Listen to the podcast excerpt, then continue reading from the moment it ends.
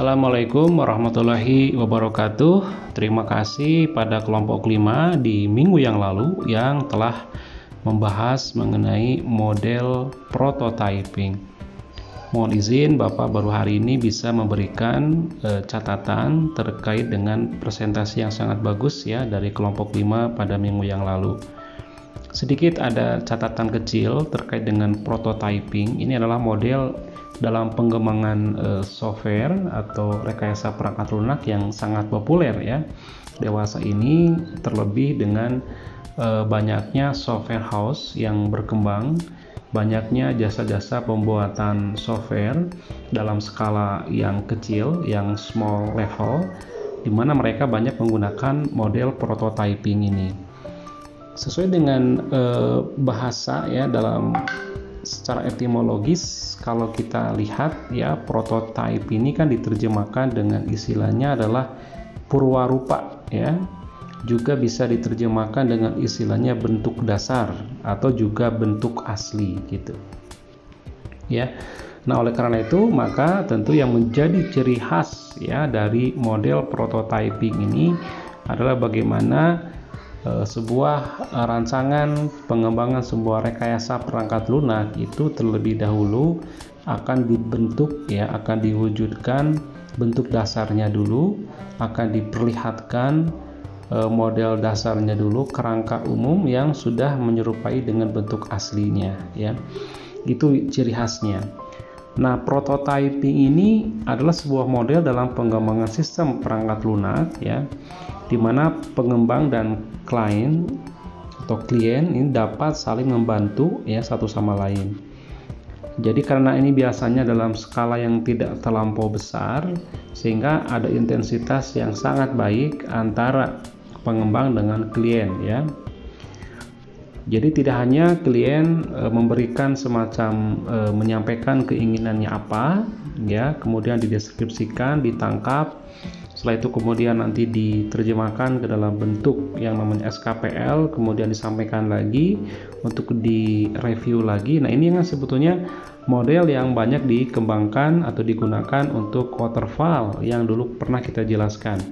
Tapi kalau eh, model prototyping ini eh, ikut terlibat secara intensif antara si pengembang dengan klien gitu.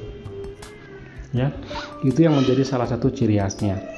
Nah, model prototyping ini memiliki beberapa kelebihan sekaligus juga tentu ada beberapa kekurangan ya. Kelebihannya adalah komunikasi antar klien dengan si pengembang ini intens ya. Bahkan bisa langsung duduk di tempat e, kerjanya si pengembang, bisa langsung berinteraksi juga ya. Jadi dekat komunikasi bisa kapan saja.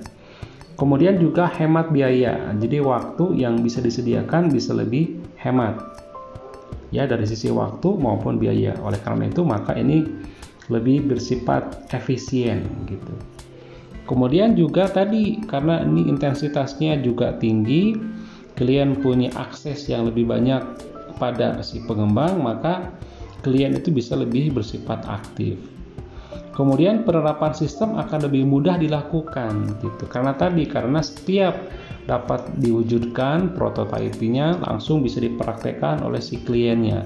Ketika memang nanti ada sesuatu hal yang misalnya kurang ya ada sesuatu hal yang misalnya dirasa perlu disempurnakan maka secara instan ya itu bisa langsung dilakukan oleh si pengembang jadi penerapan nanti untuk end usernya itu juga bisa lebih mudah untuk dilakukannya.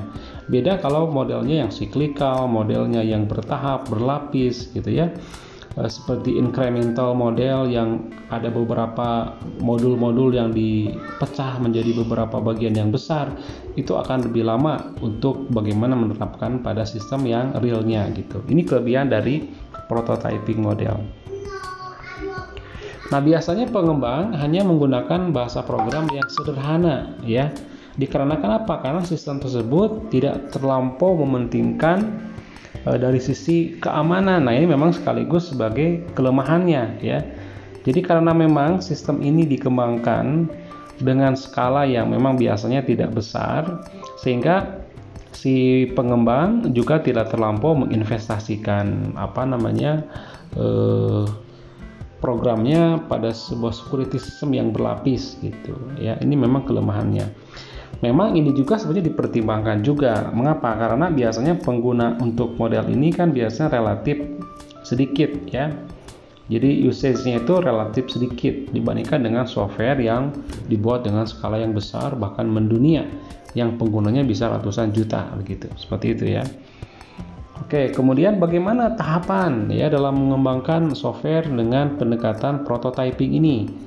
Ini ada tujuh tahapan kurang lebih ya. Pertama ada pengumpulan kebutuhan. Sama, setiap pengembangan sebuah software diawali dengan analisis sistem analisis kebutuhan ya.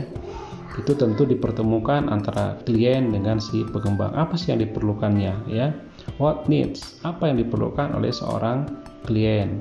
Kemudian setelah itu baru membangun prototype. Jadi di sini si pengembang langsung begitu ditangkap apa maksudnya, begitu ditangkap apa keinginannya, langsung dia bangunkan sistemnya dalam bentuk prototype tadi, dalam bentuk kerangka dasarnya, dalam bentuk wujud yang sudah mendekati asli tapi memang bukan sebenar-benar asli tapi memang sudah menggunakan platform yang sama dengan yang akan digunakan pada aslinya.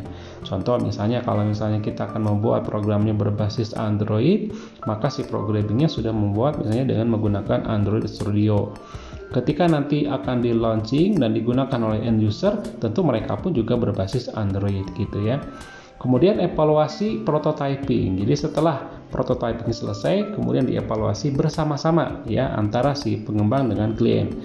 Kemudian mengkod, ya, mengkodekan sistem. Jadi sistem nanti dikodekan. Jadi artinya apa?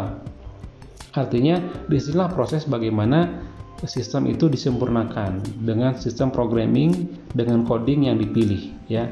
Tadi kita berangkat dari platform yang akan digunakannya seperti apa ya. Maka sistem mengkodeannya pun juga menggunakan platform yang sudah ditentukan sejak awal ya. Kemudian setelah itu sistem diuji ya sistem diuji kemudian dievaluasi lagi. Di sini ada namanya fase uh, tester ya. Melibatkan tester orang-orang yang memang tugasnya untuk menguji sebuah sistem. Kemudian setelah itu baru digunakan. Jadi ini secara keseluruhan memang lebih singkat gitu ya.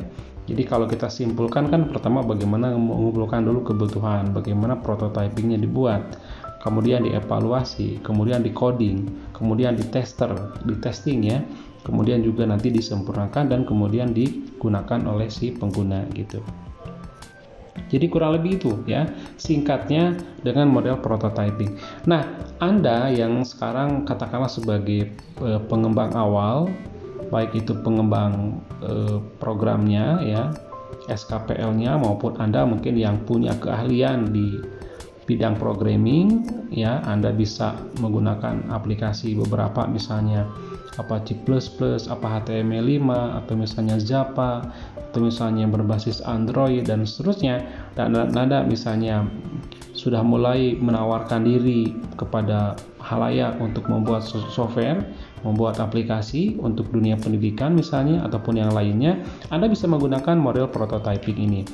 Ya, pengalaman saya ketika menggunakan model prototyping ini mudah sekali di eh, apa ya diadaptasi oleh si pengguna. Jadi kalau kita masih berkutat dengan on paper ya, misalnya rancangannya itu kita buatkan dulu kemudian kita diskusi panjang dengan konteks rancangannya, itu biasanya si klien nggak begitu dapat menangkap apa yang diinginkannya. Tapi kalau sudah terwujud, bagaimana bentuknya, bagaimana interfacingnya, fiturnya apa saja, bisa langsung dioperasikan, itu jauh lebih mudah untuk mereka menangkap apa yang dimaksudnya dan jauh lebih mudah untuk mereka bisa memberikan masukan, tambahan, revisi dan seterusnya. Tetapi meskipun demikian, Anda harus siap untuk menerima beberapa masukan-masukan. Karena biasanya ketika program sudah dalam bentuk prototyping, kadang-kadang ide itu berkembang. Yang tadinya di pembicaraan awal tidak terpikir harus ada seperti ini seperti itu. Biasanya kalau sudah berbentuk prototyping suka muncul lagi ide-ide tambahan. Jadi oleh karena itu Anda harus siap untuk bergainingnya makanya perlu dituangkan ke dalam bentuk e, e, catatan kerjasama ya atau MOU atau MOA ya yang sifatnya lebih operasional ada kontraknya bahwa pengembangan dibatasi pada bagian apa saja karena kalau nggak begitu itu bisa sangat berkembang lebih jauh lagi ya. Baik, saya pikir itu saja sedikit tambahannya. Sekali lagi terima kasih pada kelompok 5 di minggu yang lalu sudah sangat baik, baik itu PowerPoint-nya maupun penyajiannya ya. Terima kasih banyak dan tolong di-share juga PowerPoint-nya di grup ya. Assalamualaikum warahmatullahi wabarakatuh.